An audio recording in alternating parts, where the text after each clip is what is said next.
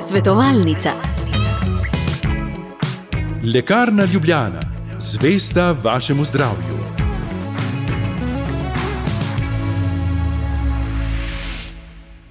Spoštovani poslušalci, še enkrat lep pozdrav v tem jutru. Danes se bomo v zdravstveni svetovalnici lotili bolezni, ki bi lahko rekli neznanka, ki postaja skrivnostna znanka.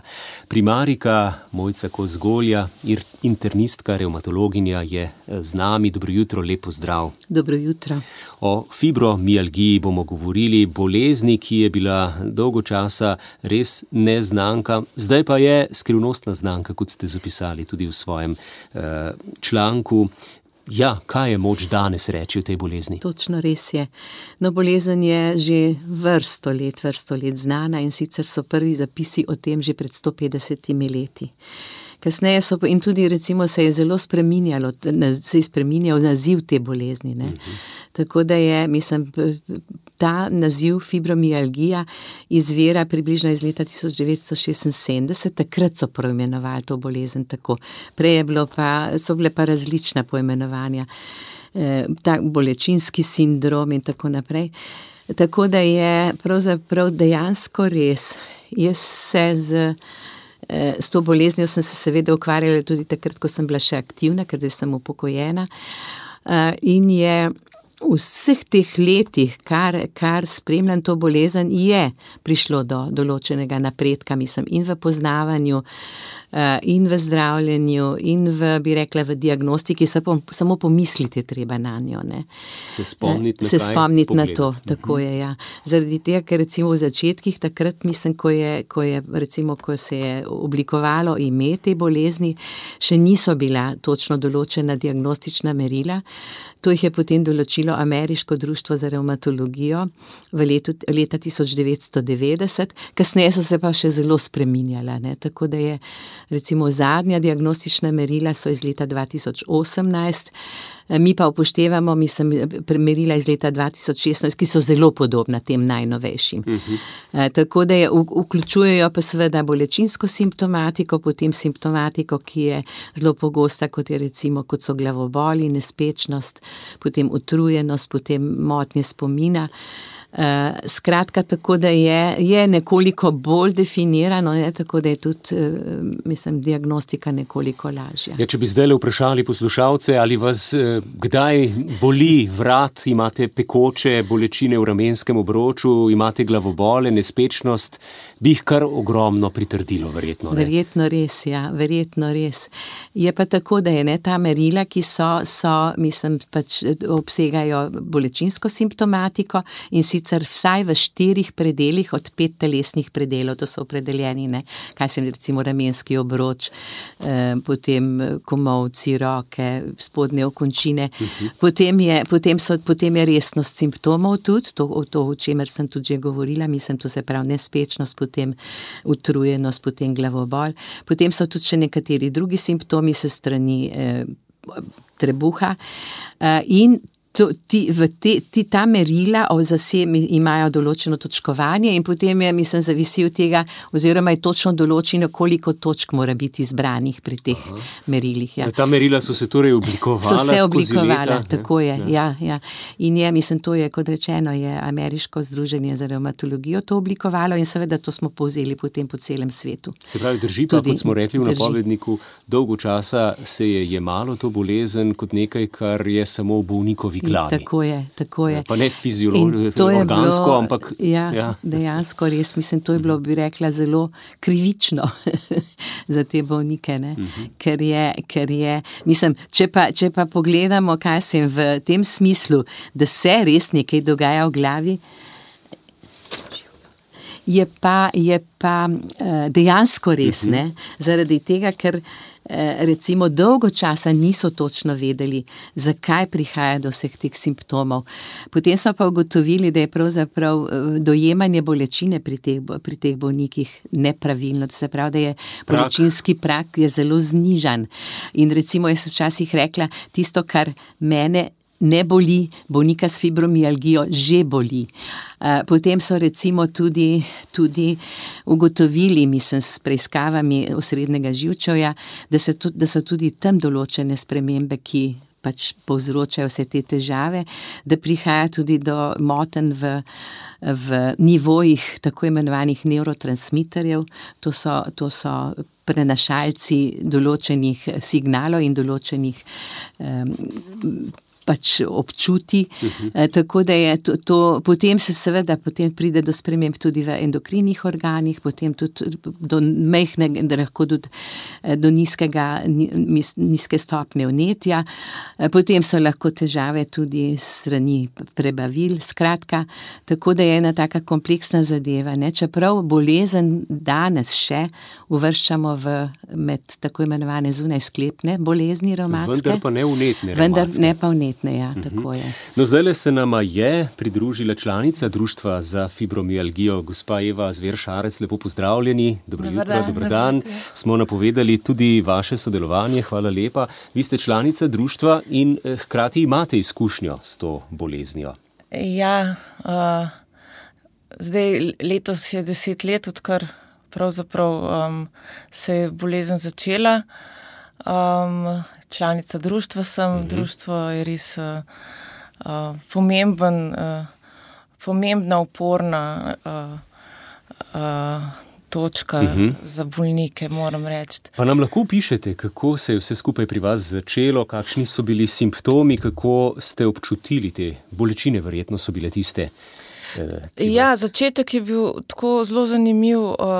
Dejansko najprej, najprej eh, tako zelo akutna bolečina, huda na eni roki, potem s to nisem mogla več tipkati, delati, pa sem z drugo začela pač si pomagati, pa tipkati, pa se je na drugi roki isto zgodilo. Mhm. -huh. Tako da sta bile obe roki tako podoben, kot da bi imela uh, karpalne kanale vnete. -huh.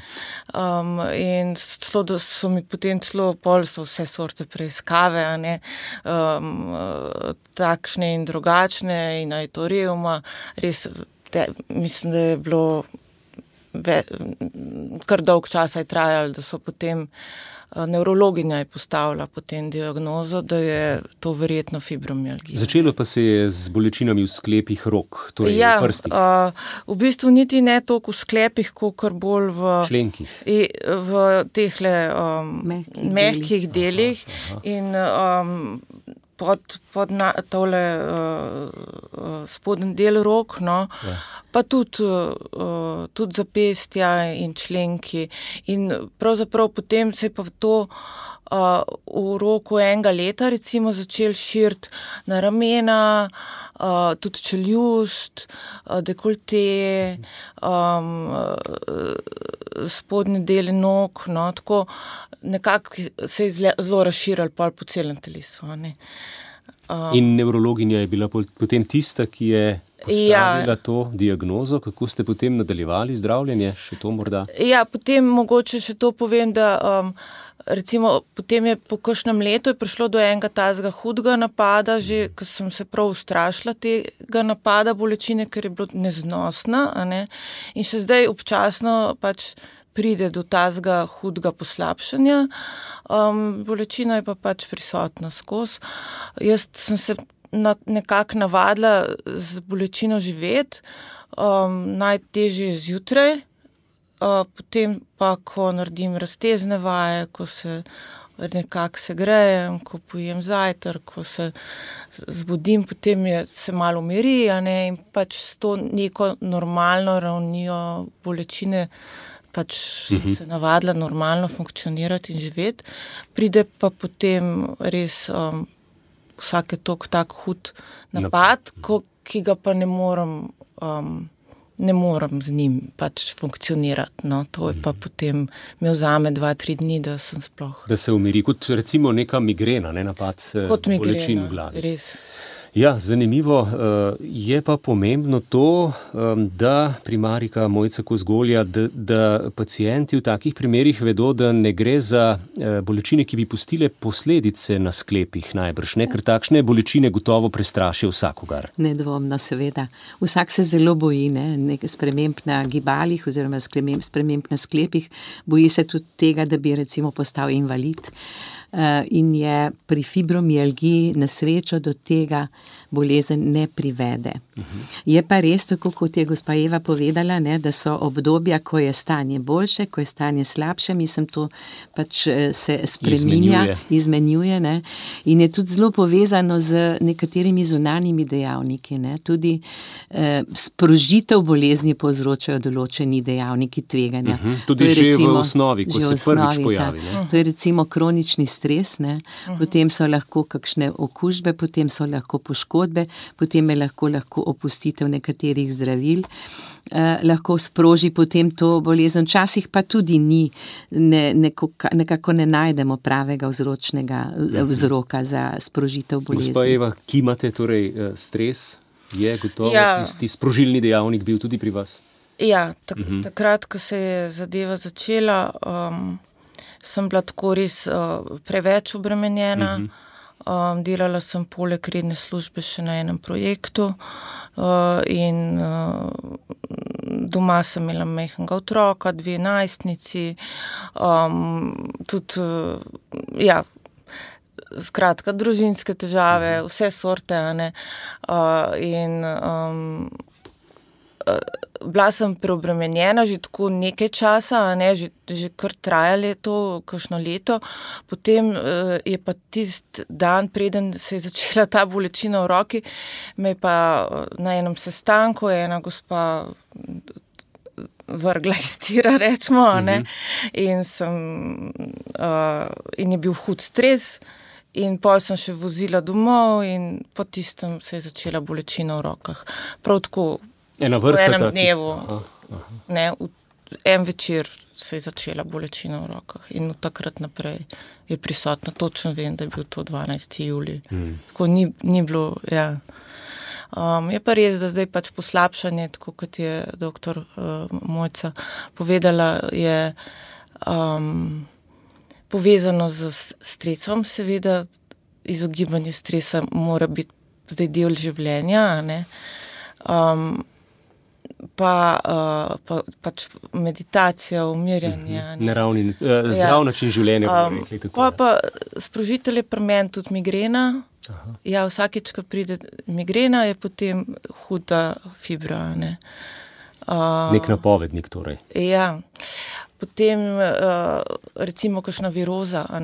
Najmanjša viroza, ki jo imamo, recimo, nek prehlad, ne, bolečino v grlu, sem potem pač celo telo se odzove in žari od bolečine. Žari od bolečine. No. Ja. Spoštovani poslušalci, nič 1, 512, 10, nič, nič je naša telefonska številka za vaše vprašanje. Danes govorimo torej o fibromialgiji, eh, ki je bolezen eh, kar številnih ljudi, če tako rečemo, v populaciji, čeprav mnogo krat spregledana. Eh, kakšen je ta odstotek? Ja, to za, v svetovnem merilu oziroma v tuji literaturi navajajo, da ne bi bolezen bila. Eh, približno od enega do sedmih odstotkov populaci, v populaciji. Mhm. Pri nas, nažalost, nimamo teh izračunov, oziroma ne vemo točno, ampak verjetno je približno tri odstotke, mislim, da se pojavlja pri, pri, pri ljudeh. Vemo, da je možna fibromialgija v vseh starostnih obdobjih, tudi pri otrocih. Uh, najpogosteje pa, je, pa se pojavlja pri, oziroma pogosteje se pojavlja pri ženskah in pa v obdobju od 22 do 50 let, se pravi v najbolj aktivnem obdobju življenja. Uh, tako da je. To, mislim, da so pri, približno ti podatki veljajo tudi za nas, za, mislim, za pojavljanje te bolezni. Uh mhm. -huh. Kdo jo danes uh, diagnosticira? Tako, oziroma, kje jo najdejo? Gospa Eva je povedala, kako obra, je šlo pri obravnava. Ja. Uh, zdaj, namreč, mislim, je. Doktrina, oziroma nekje, mislim, priporočila reumatologov so, da naj to skuša diagnosticirati in pa potem tudi obravnavati in zdraviti osebni zdravnik oziroma družinski zdravnik. Eh, nadaljna priporočila so pa v tem smislu, da če stvar dejansko res, da jo ni možno diagnoze postaviti, da se pridruži tej fibro, težavami v zvezi s fibromialgijo tudi kakšna druga bolezen, predvsem recimo unetna reumatska bolezen ali pa kakšna druga. Uh, in, in kadar so težave tako hude, da jih družinski zdravnik ne obvlada, v tem primeru je pa, mislim, upravičena napotitev k reumatologu, lahko pa tudi kakšnemu drugemu specialistu, uh -huh. ne, mhm. neurologu, ortopedu, zavisi od tega, kakšna je simptomatika. Dobro, k zdravljenju oziroma temu, kar je gospa Eva že povedala, kaj pomaga v njenem konkretnem primeru, še pridemo zdaj, le prosim, če si nadenete slušalke. Namreč uh, imamo prvi klic v svetovalnici, ki jo spremljate v živo. Dobro jutro, gospa Vida, vse najboljše za god. Najlepša hvala, se sem pa čakala, da mi boste čestitali. Izvolite. Veste kaj, jaz to, to glavno temo pravzaprav nimam toliko izkušenj. Me je pa nagovorila gospa, ki je rekla, da je velikrat sprožilec migrena. Namreč, jaz vem, kaj je migrena, grozno hudo je to. In sem imela vsakih dva meseca ali en mesec migrene, dokler me ni prijateljica, akupresurka, rekla, da naj si masiram mečice v šest. Pa je bilo malo boljš, pa se kaj, kaj moram to skozirati, kaj ja, še boljše pa, če si daš uhane v tisto, tist predel. In odkar imam uhane, me nimam več migren. Mm neka stalna akupunktura v ušesih. Najbrž bo to. Ja. Akupresura, ne akupresura. Akupresura, dobro. Torej, pa, mislim, ja. ni treba nič akupresure, samo naj si da uhane. Aha, ja. to je bil zdaj vaš nasvet. Dober nasvet. Ja. ja. Hvala lepa, gospa Vida. Eh, zanimiv, ne? Ja. Sem zanimiv na svet, zanimivo, kaj pravite. Ja, zanimivo. Ja, sej, mislim, je, eh, nek, pri nekaterih bolnikih dejansko res mislim, pomaga, uh -huh. ak, verjetno tudi akopresura, uh -huh. zlasti pa akopunktura. Eh, to je dokazano. Ne? Tako da ni pa, ni pa to zagotovilo, da bo pri vseh bolnikih, Tako. mislim, uh -huh. pomagalo. Ne? Kaj pa torej pomaga?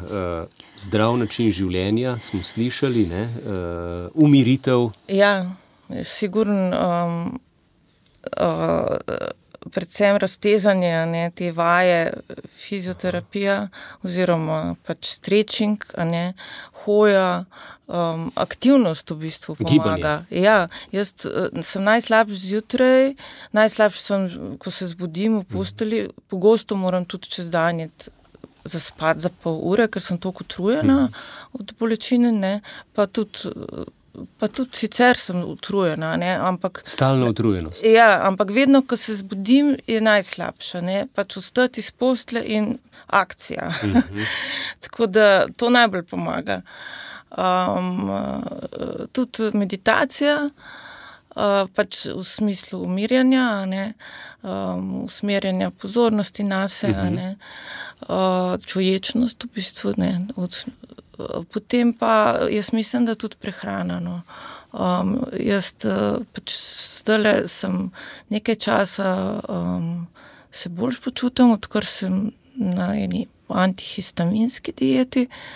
Um, že od malega sem imela težave, vedno, ko sem kakršen koli alkohol, se mi tako imogrena sprožila. Uh mhm. -huh. Potem je uh, zdravnica na Soči je priporočila, da pravzaprav poskušam s to dieto, se pravi, najdete mogoče kaj tist, kar ti lahko poslabša stanje. Mhm. Zagotovo je tu ja. vsak človek, vsak bolnik svoja zgodba. Ja, jaz mislim, da vsak svoja zgodba. Mhm. Moram pa reči, da meni akupunktura tudi pomaga. No? Jaz sem tle na ambulanti za kronično bolečino, na Petru držaju sem bila dvakrat že.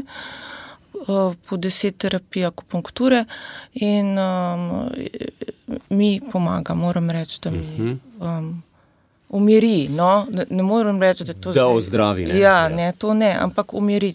Lani sem imela hudo poslabšanje po drugem cepljenju, oziroma je to zdaj že predlani. Uh -huh. Res hudo poslabšanje po drugem cepljenju.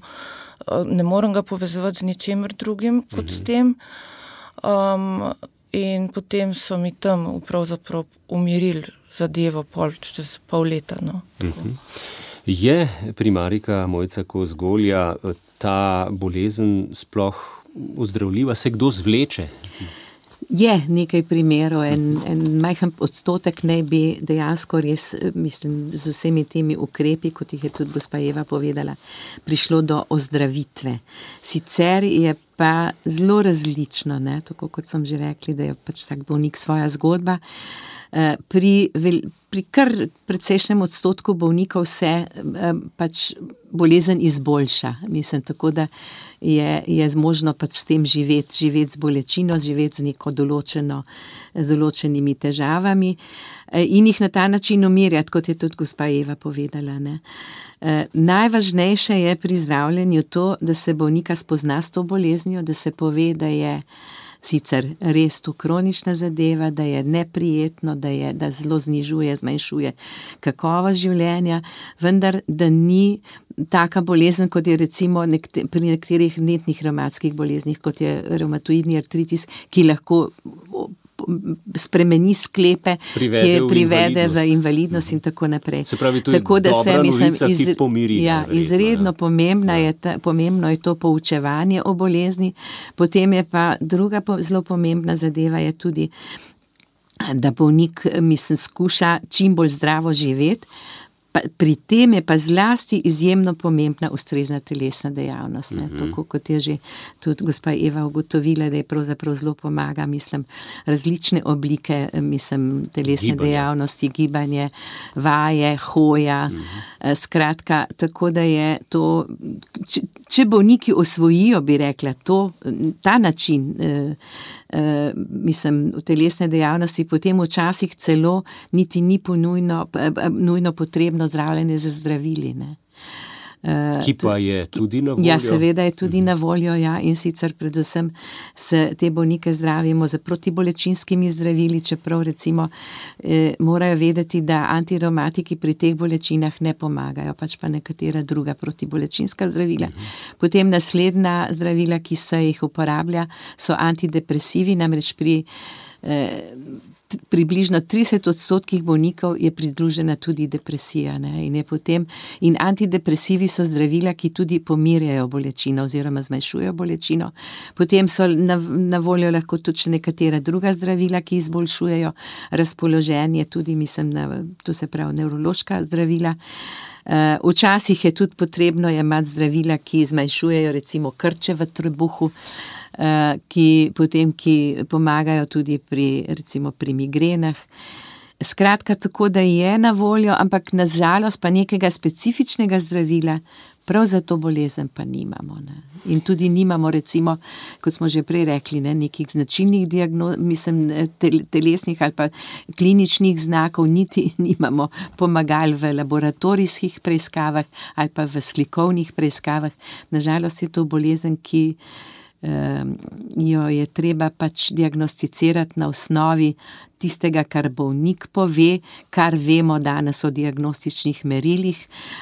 In tako da je, in pa kot sem že prej rekla, pomisliti je treba. Ja, se pravi, prisluhniti Ja, bolniku, prisluhniti res, pa je bolniku, ja, včasih ja. v tem Nedvomno. eh, č- kratkem času težko. Nič ena, 512, 10, nič, nič, še za kakšno vprašanje, počasi gremo k koncu. Gospa Eva, vi ste vključeni tudi v društvo uh, bolnikov s fibromialgijo. Ja. Kako vam pa to društvo pomaga? Uh, ja, uh, društvo uh, pravzaprav uh, deluje uh, že, že vrsto let. Ne? Od leta 2004, Ja. drugo leto bo 20 20 let. 20 let, Ja. ja. Dr. Kuzgolja je bila ustanoviteljica, ne začetnica Ja, društva. ne ravno ustanoviteljica, ampak pomagala sem potem pri delovanju društva. Delovanju ja. društva. Ker sem bila vrsto let tudi predsednica strokovnega sveta društva. Tako, ja. Um, zdaj društvo organizira seveda različne aktivnosti, um, imamo spletno stran. Uh, Um, se pravi, Društvo za fibromialgijo. Lahko si vtipkate v Google, boste našli našo spletno stran, kjer je vrsta informacij o bolezni, um, kjer lahko tudi uh, postavimo vprašanje uh, zdravnikom, ki so v strokovnem svetu uh, društva.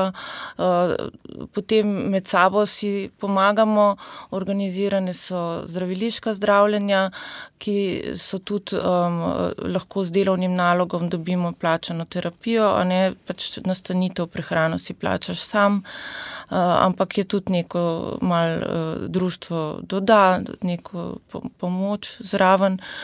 Um, mislim pa, da je predvsem zelo pomembno tudi to, da se srečaš z um, ljudmi, ki imajo podobne, ki imajo podobne težave. težave in vidiš, da v tem nisi sama. Ne? Uh, greš na kakšno uh, druženje, uh -huh. ne? izlete um, kakšne kulturne prireditve uh -huh. uh, in uh, pravzaprav društvo uh, v, po celi Sloveniji ima te svoje um, skupine, Udružnice, ja. Uh, ki, kjer se pač. Uh, Lahko srečujete. Torej, nekaj lahko organizirajo, ja. učlanijo. In, ja. Nekaj zelo dobrodošlega pri zelo. življenju s to ja. uh, boleznijo.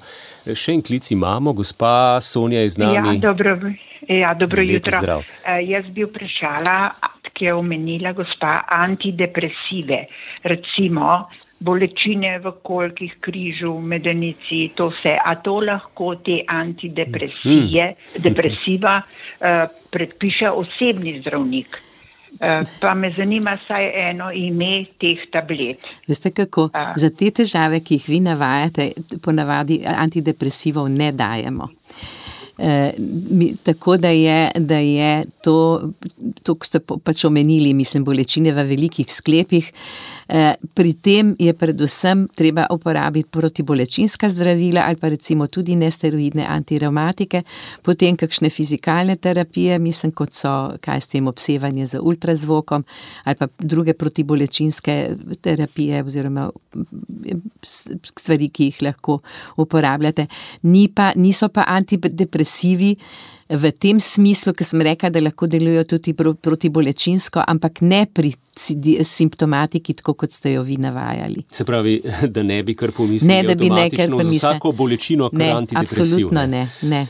Dobro, um, ja, res gremo k koncu. Samo še to, kar uh, pomembno je, ker se o tem v zadnjem času sploh veliko govori, sindrom kronične utrujenosti, Kako je eh, fibromialgija povezana s tem sindromom? Ja, Ali je? Sploh? Ja, je lahko povezana. Lahko je povezana, mislim, da, da pač poteka skupaj s fibromialgijo, ne, ta sindrom kronične utrujenosti, ko je dejansko res utrujenost tako huda, recimo, da zjutraj, ko se pa tak bolnik zbudi, je bolj utrujen kot takrat, ko, se, ko, je, ko je recimo po celodnevnem delu eh, šel počivati. Zvečer, takšno ja. izkušnjo imate tudi ja. vi, ne, Ja, jaz, kadar imam te eh, najhujše napade bolečine, sem izjemno utrujena, uh mhm. -huh.